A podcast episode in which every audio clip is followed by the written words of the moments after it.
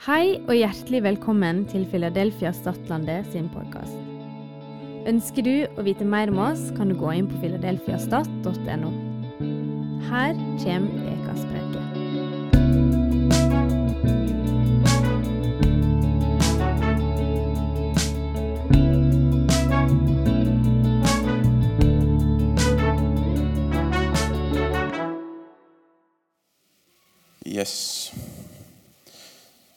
Er det noen her som liker nye ting? Ja. Jeg liker nye ting. Vi liker det som er Det er ikke alle som liker nytt. Eller jeg spørs jo hva det er, da. Men på noen eh, områder så er, det jo at når ting blir nytt, så er det bare styr. For du er jo vant til, til noe. sant? Du er vant til hvordan det var. Og spesielt eh, nå med datamaskin og telefoner og biler, og alt skal oppdateres. sant?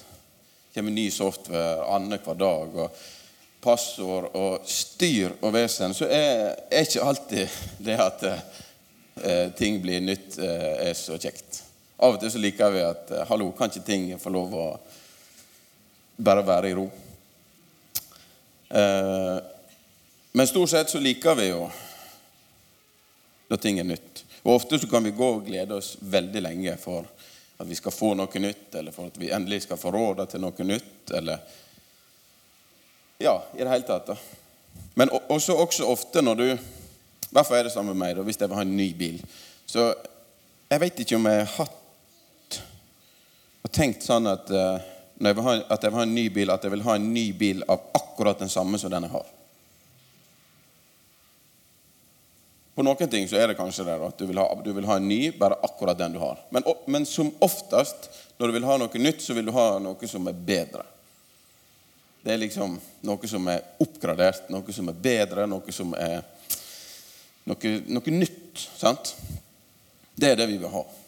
Hvis du vil ha en ny bil, du har en, eh, en gammel bil, så vil du liksom ikke ha akkurat samme, bare ny av den modellen.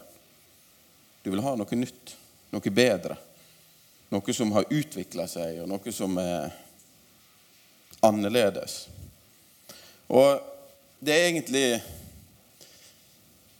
Det kom fram det med Det gamle testamentet og Det nye testamentet. Vet, vi, vi snakker jo om det, vi sier Det gamle testamentet og vi sier Det nye testamentet. Men egentlig, og det, altså de ordene som blir brukt, så det er ikke Det gamle testamentet som blir brukt.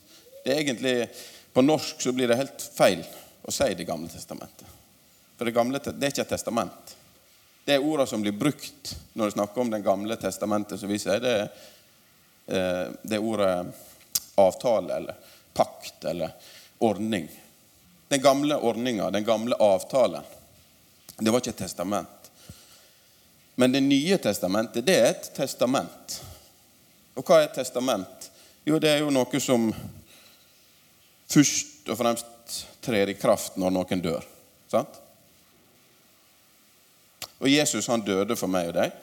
Derfor så har Det nye testamentet trett i kraft for oss som tror. Så Det gamle testamentet det er den gamle avtalen, den gamle pakt. Og Det nye testamentet, det er det nye testamentet. Altså det er vårt testamente. Og, og det er egentlig litt viktig å ha med seg. For dette, det nye testamentet Det er stor forskjell mellom avtale og testamentet. En avtale eller en pakt, da er det på en måte mellom to parter som som lever, og som eh, begge kan du si, kan påvirke til en viss grad. Mens et testament er veldig annerledes enn en avtale på den måten. For et testament er jo den som har gått vekk, som har skrevet av sin vilje. Og Hvis du søker opp testament, så, det, så blir det beskrevet som om at altså en, ens vilje om hva som kan skje etter en, en, en er død. Så et testament Når du skriver et testament, så skriver du ned din vilje. Og når du er død, så er det ingen som kan endre det testamentet. Det, da er det skrevet i stein, da, kan du si. Det er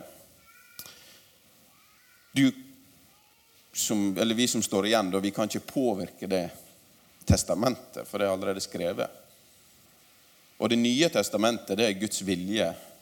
Altså, altså Han har skrevet til oss hva som er hans vilje for oss. Og vi kan ikke endre på det. Altså, han har skrevet det. Og vi kan få lov å, Men vi er så heldige at vi får lov å lese om det og lære å forstå det og sette oss inn i det testamentet. Hva er det han har gitt oss? Hva er det som står i Det nye testamentet?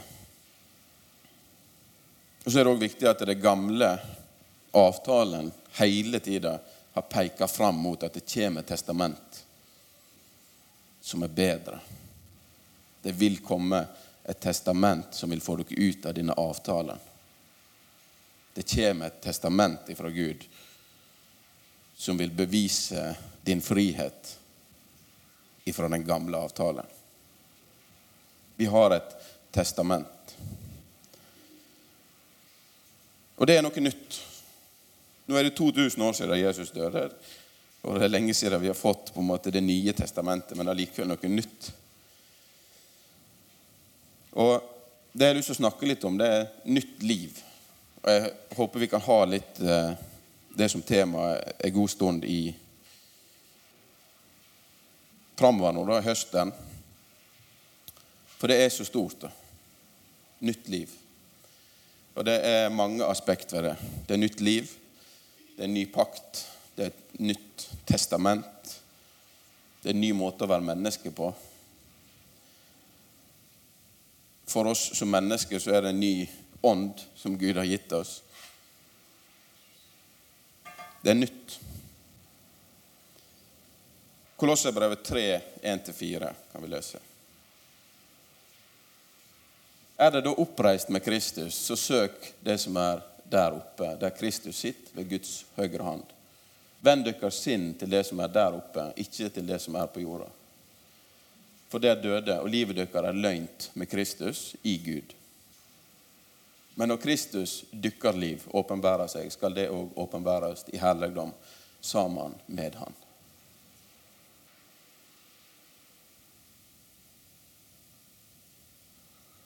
Vi skal lese en del bibelvers om det å være at vi er blitt gjort til et ny skapning, et nytt menneske.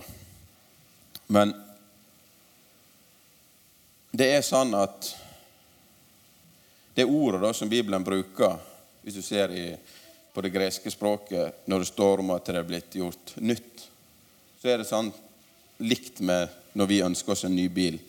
Det er ikke en ny av det samme. Det som ligger i det ordet, det kainos heter det, og det er at det er superior to what it succeeds. Altså det er bedre enn det som var. Det er større enn det som var. Så når vi har fått et nytt liv, vi tror på Jesus, at han døde for meg og deg, at han tok all verdens synd på seg, det er den kristne trua. At vi tror at Jesus er Guds sønn, og at han ved å tro på han og det han har gjort, så blir vi frelst. Da får vi et nytt liv som ikke er at du nå får en ny start på å prøve å være god nok for Gud. Det er ikke sånn det fungerer. At ja, nå, nå får du en ny start. nå blir du... Du vet, Jesus han ble født av jomfru Maria av en grunn. Fordi at han måtte bli født uten synd. Og det er ikke sånn at Når vi tar imot Jesus, så plutselig så blir vi det vil si, født på ny og at nå, vi, nå, er vi uten synd, så nå kan vi prøve å leve det livet Jesus levde. For det klarer ikke vi. Jesus har levd det livet. Og når vi blir frelst og vi blir født på ny og vi får et nytt liv i Kristus, så er ikke det en ny start i den forstand at nå skal du prøve å være god nok for Gud. Men det er det at eh, nå er du god nok for Gud fordi Jesus er god nok. Lev livet ditt derifra og at all synd og skam og skyld, det har Jesus tatt på seg. Og Det betyr ikke at du ikke opplever synd, eller opplever skyld eller skam eller alle disse negative tingene. Men det betyr at det er en sannhet som er større enn det du opplever. Du vet, Fakta og sannhet det trenger ikke å være samme ting. Det kan være fakta at du opplever synd, eller du opplever det ene og det andre. Men det trenger ikke være sannheten. Sannheten er større enn en det du ser.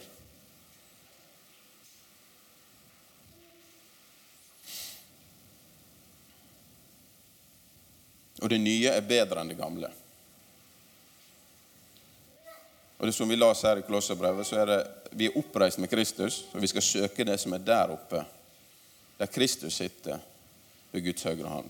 Vi skal vende sinnet vårt til det som er der oppe, ikke til det som er på jorda. For vi er døde, og livet vårt er løgn til Kristus, i Gud. Er gjemt i Jesus, i Gud.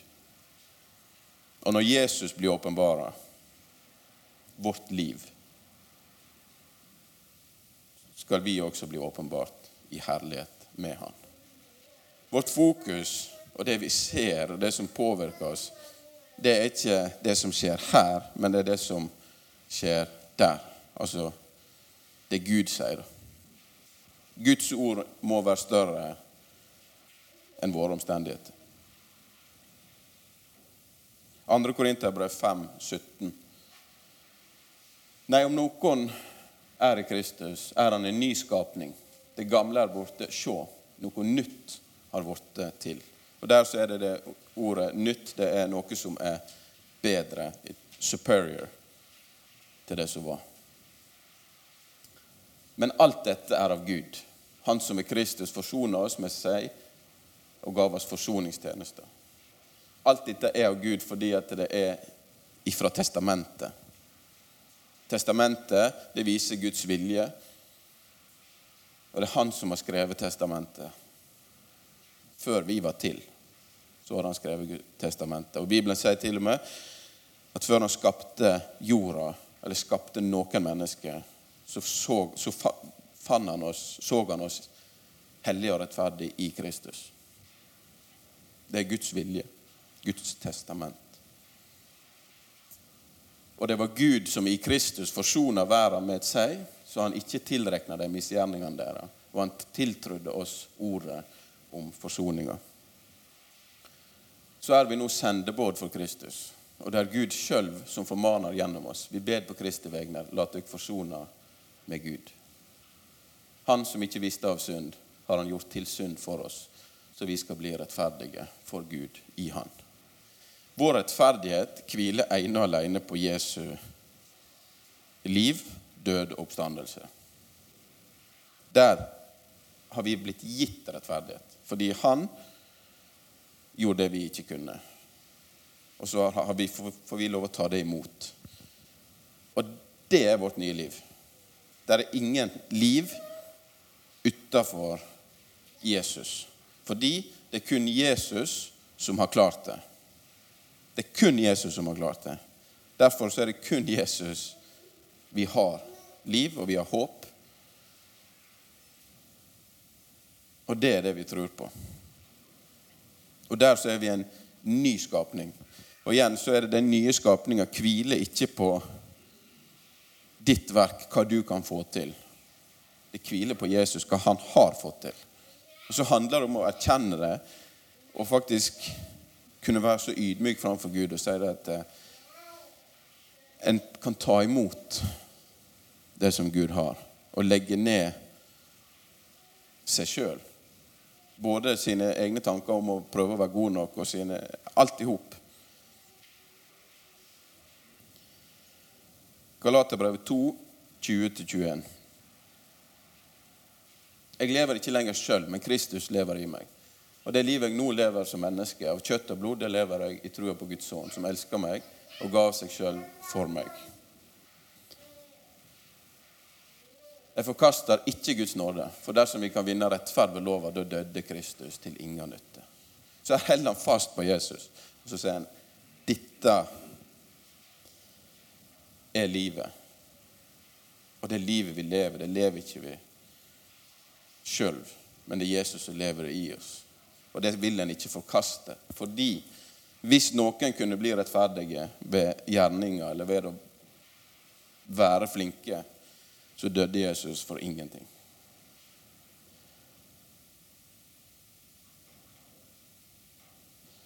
Og Jeg har sagt det mange ganger før, men Jonathan Kahn han skriver om det syndeofferet og hva det betyr i den gamle pakt.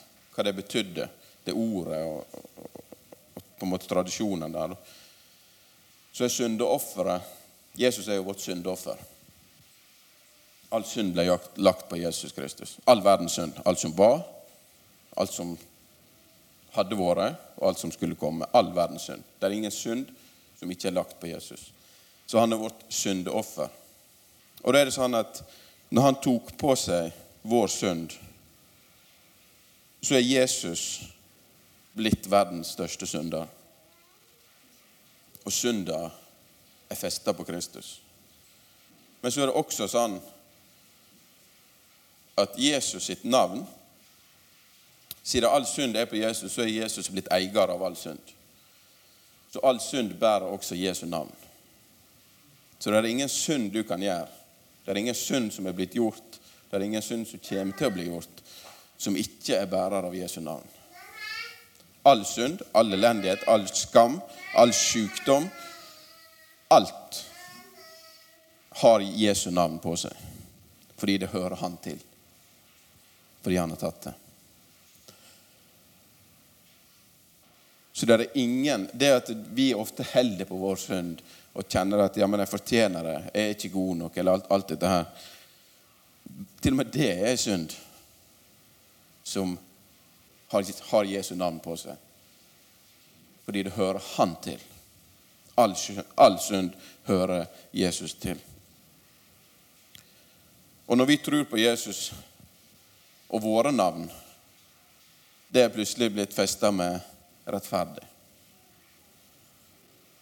Så Guds rettferdighet har ditt navn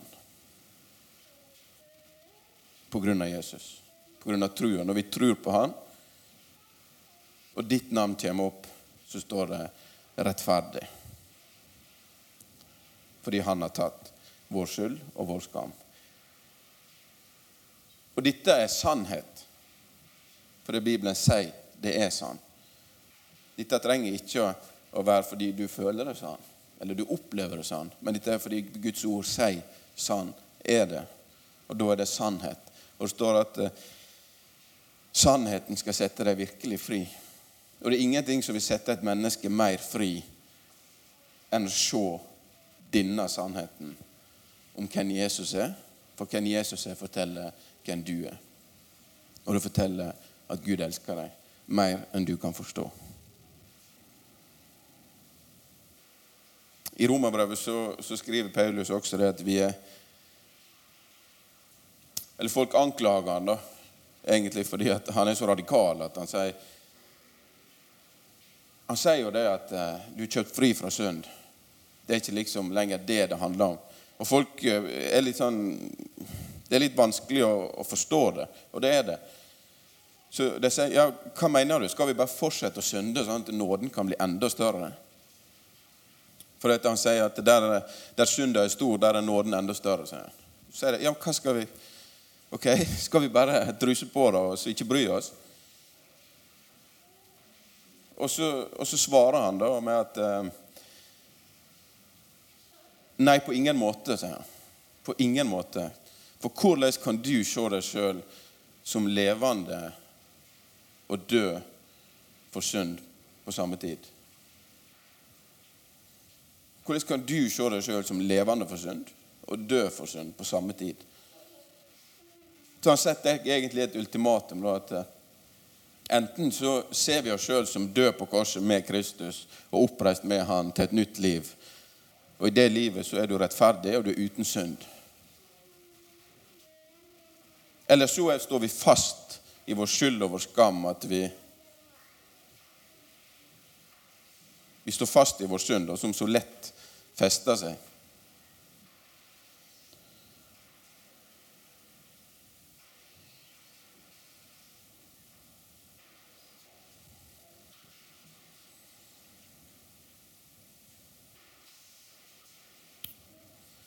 Og Det er liksom der vi er, da. Vi står midt i det gapet der. Hva vi ser, hva vi opplever, hva vi føler. Og så har du Guds ord, hva vi leser. Og så blir det ofte litt vanskelig å forstå de tinga. Ikke bare litt, men det er, det er vanskelig, for at en føler at det, det krasjer. Men i Bibelen står det også at vi er Guds tempel. står det.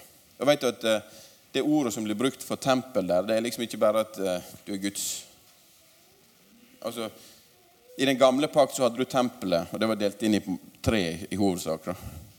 Og det innerste det var det aller helligste. Og når Gud sier at eh, vi er hans tempel, så står det at vi er det aller helligste. Der Gud uh, Where he dwells. Altså der han uh, har bolig. Det er det aller helligste. Det er blitt oss. Er der, altså Vi er der Gud ønsker å ha sin bolig, i trua på Han.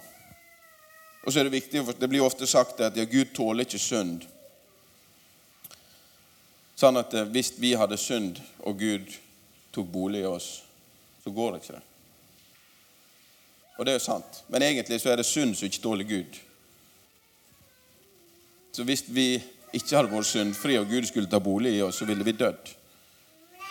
Og Sånn var det også i den gamle pakt, i paktens ark, der det ti bud lå.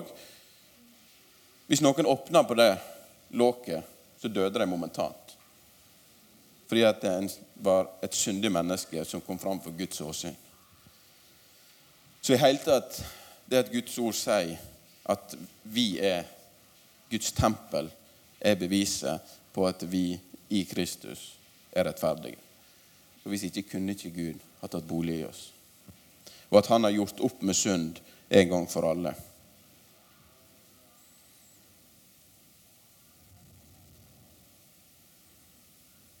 Kolosserbrevet 3, 10-11. Og ikle dere det nye mennesket som blir fornya etter sin skapers bilde, og lærer Han å kjenne. Her er ikke greker eller jøde, omskåren eller uomskåren, barbar, skyter, slave eller fri. Nei, Kristus er alt og i alle. Så det er noe vi skal ikle oss. Det er noe vi skal se sjøl som. Det står også flere plasser i Nye testamentet at vi skal bli eh, forvandla Altså, Vi skal se han som du, du, ser i et speil. Så Vi skal se Jesus som i et speilbilde, står det. Og Når du ser i et speil, hva ser du da? Jo, du ser deg sjøl. Du skal kunne se deg sjøl i et speil, og så skal du kunne se Kristus. Fordi det er det Guds ord sier. At han har tatt vår plass. Og Det er det vi snakker om når vi snakker om identitet i Kristus. Identitet i Kristus det er at du skal se ditt liv i Han. Så vi la oss i stad gjemt i Kristus, i Gud. Derfor vi lov å ha vår identitet. Ikke bare får vi lov, men vi, det er vår rett. Fordi Jesus har gitt oss den retten. Det er vår rett fordi den er blitt gitt oss.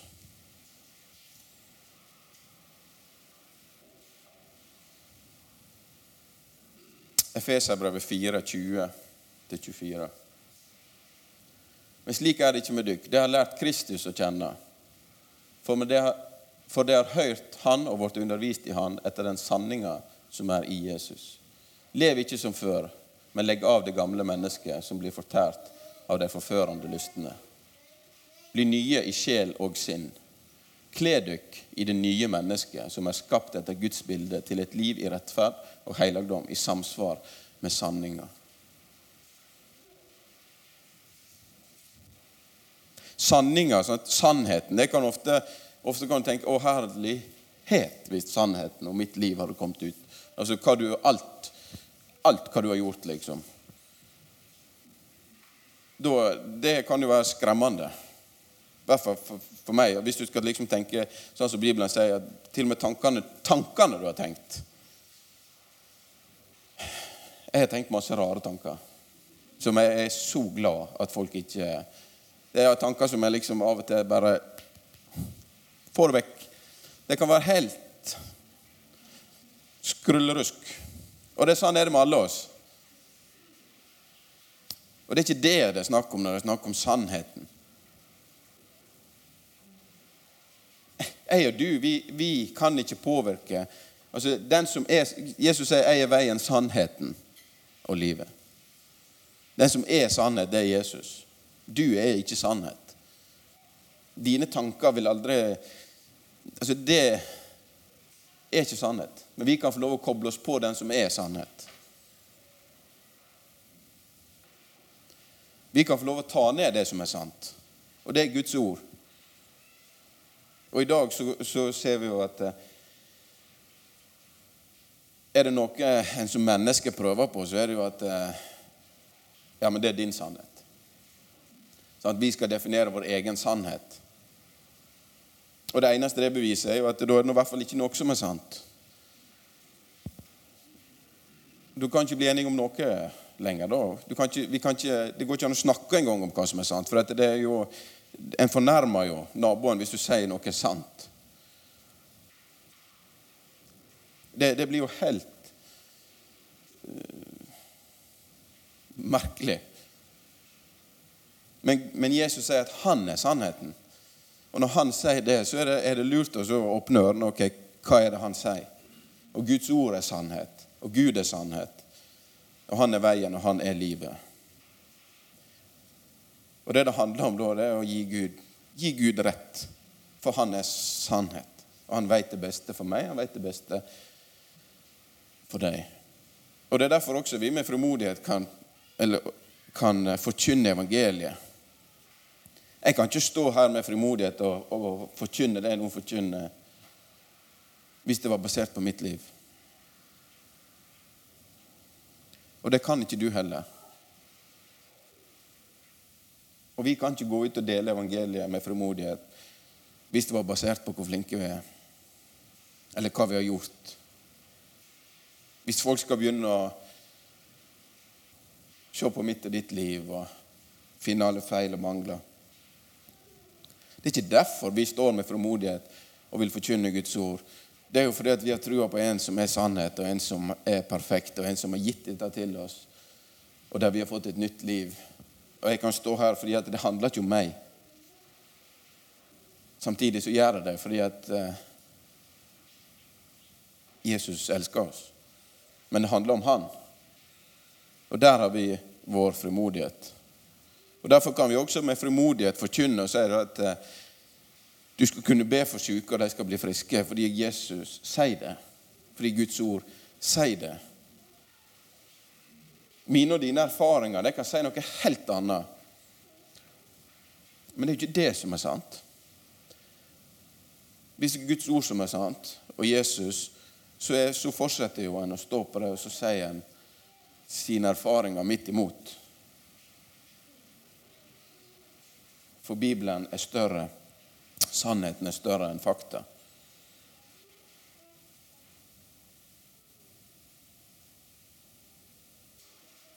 Og Vi skal bli nye sjel og sinn, og vi skal kle oss i det nye mennesket som er skapt etter Guds bilde, til et liv i rettferd og helligdom i samsvar med sanninga. Og når en tar imot Jesus og Det er ikke sånn at når du tar imot Jesus, så pang, så lever du et perfekt liv. Det vet vi. Men når du tar imot Jesus, så har du fått et nytt liv. Og det skjer sann. Og det nye livet ditt, det er perfekt, det er hellig, det er rent, og det er ingen som kan tukle med det, for det er testamentert til deg.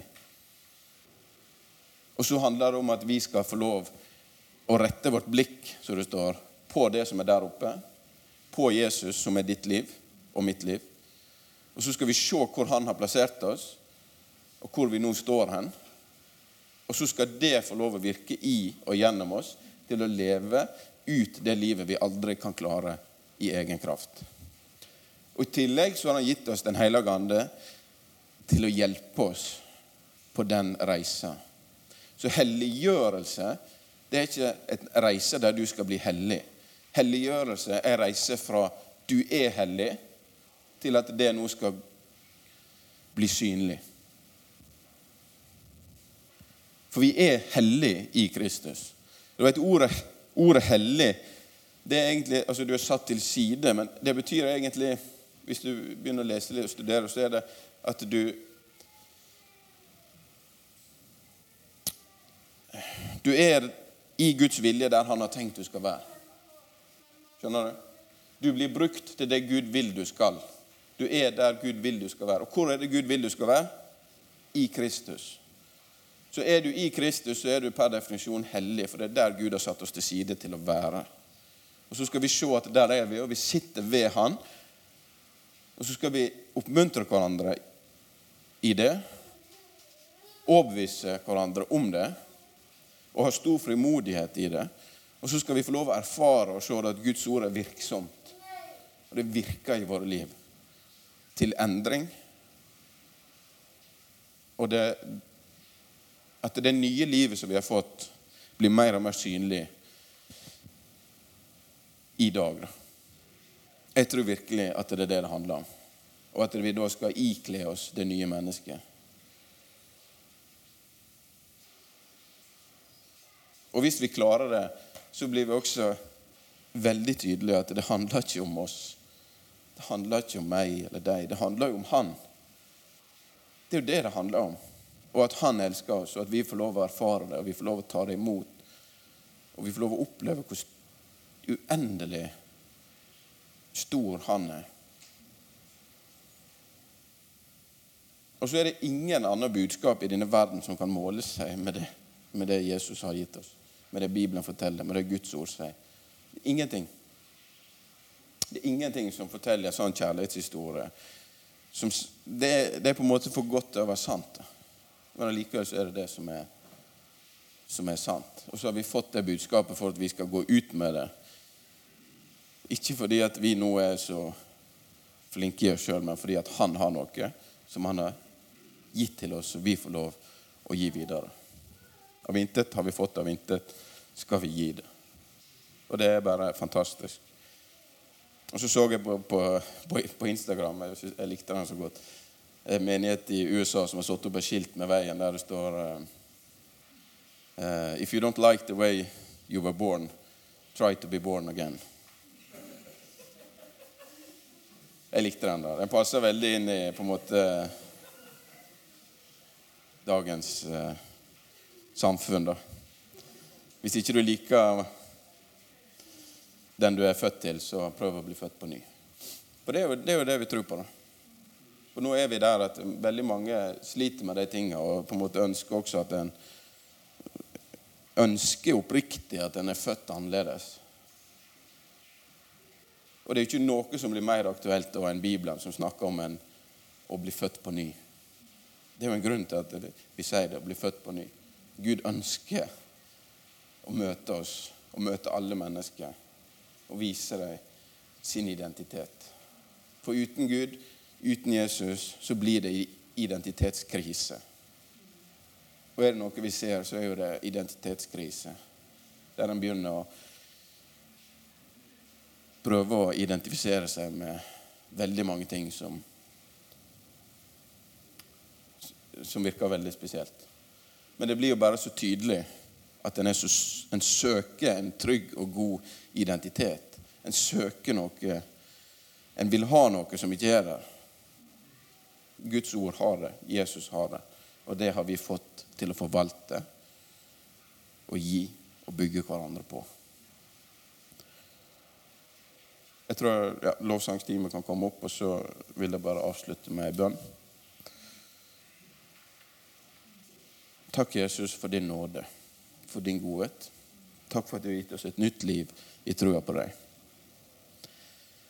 Takk for din uendelige kjærlighet. Takk for at du ønsker bare at vi skal finne vår identitet i deg. At vi skal bli trygge og finne glede og fred og sannhet i deg, Jesus.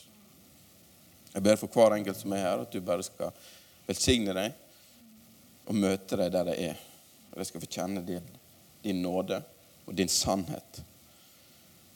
Og at ditt ord skal bli levende og virksomt i våre liv. At vi kan se det at uh, ditt ord er sannhet, og at det er virksomt. og at det går gjennom marg og bein. Og at vi kan få lov å kjenne og erfare at du virker i oss, både til å ville og gjøre etter din gode vilje. Og at vi kan få lov å gå ut og være vitnesbyrd for deg fordi at du har gjort noe i våre liv, og at ditt liv blir synlig gjennom oss. I Jesu navn. Amen.